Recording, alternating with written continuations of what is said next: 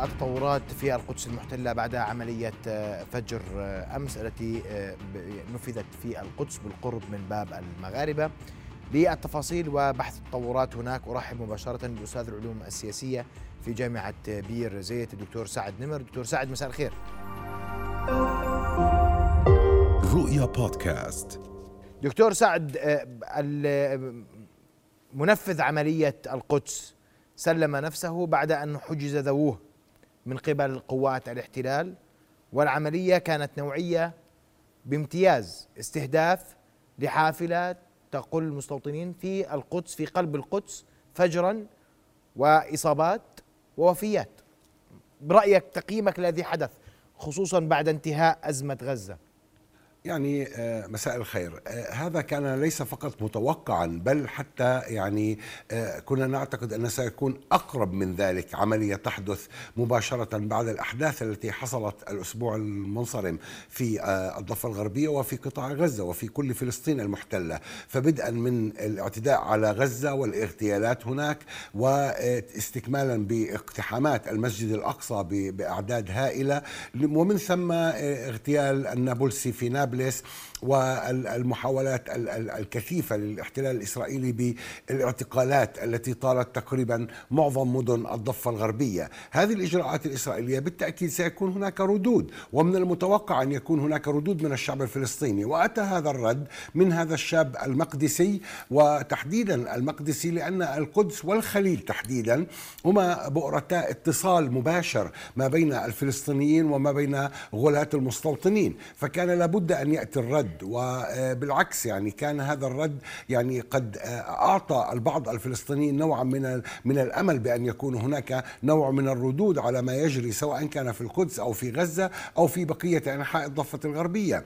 فهذا هو المتوقع وعلى العكس تماما يعني إسرائيل كانت تحاول دائما وأبدا أن تقمع الشعب الفلسطيني وأن لا يكون هناك أي إمكانية للردود. ولكن ما جرى في الآونة الأخيرة نسبيا آه، وكان أحد اسبابه أيضا حرب غزة. آه، موضوع أن هناك مقاومة في جنين وأن أي قدوم للاحتلال إلى هذه المنطقة وتحديدا مخيم جنين سيكون هناك اشتباك ورد حاسم.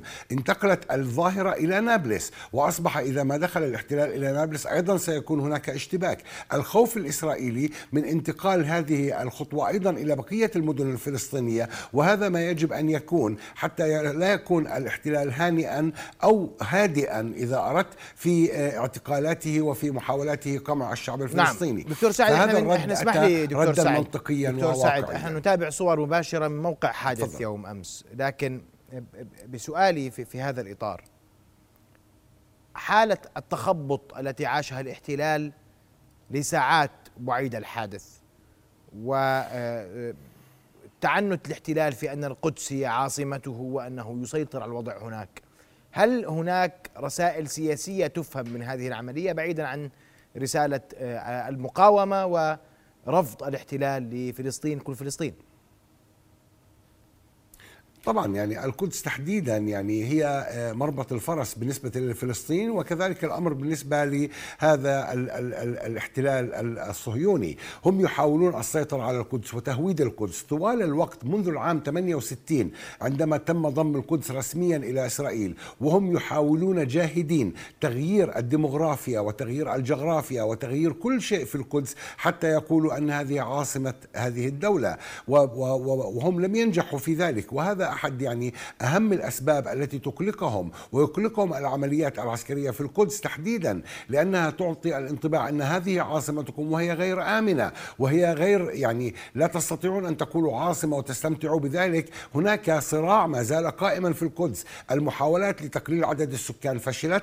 محاولات الآن لتهويد آه، بقية القدس وتحديدا المسجد الأقصى والسيطره آه، آه، عليه زمانيا ومكانيا وقد نجحوا بعمل ذلك زمانيا. زمانيا ولكن مكانيا الآن أعتقد أن الخطوة القادمة بالنسبة للمستوطنين ستكون محاولة السيطرة على باب الرحمة ومحاولة وضع اليد على هذه المنطقة وفصلها عن المسجد الأقصى لتكون نوعا من التقسيم المكاني أيضا للمسجد الأقصى. هم يحاولون بكل قوة. فأتت هذه العملية تقول لهم خسئتم لا يمكن أن تكون هذه عاصمتكم. هذه آه، فلسطينية وبالتالي من الواضح جدا أن الفلسطينيين سيقاومون هذا التهويد وهم يقاومون هذا التهويد. وبالتالي لا تستطيع إسرائيل أن تقول بكل آه، أريحية أن القدس عاصمة لها طالما أن هناك ما زال صراعا وما زال هناك نزاعا وأي شخص يأتي لزيارة القدس سيشعر تماما أنها ليست عاصمة دولة يهودية وإنما آه، تحديدا القدس الشرقية هي عاصمة فلسطينية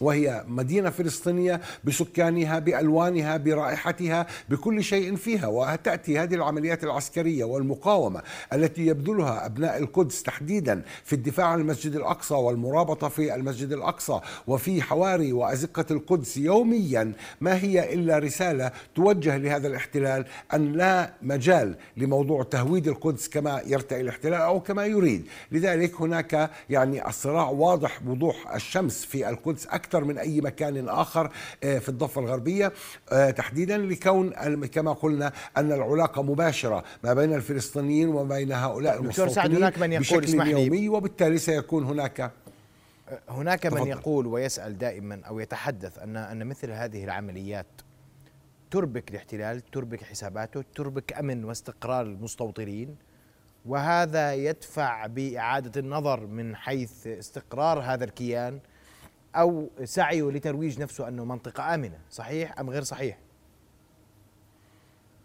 نعم نعم 100% هذا هذا صحيح. ليس فقط إرباك هذا الاحتلال.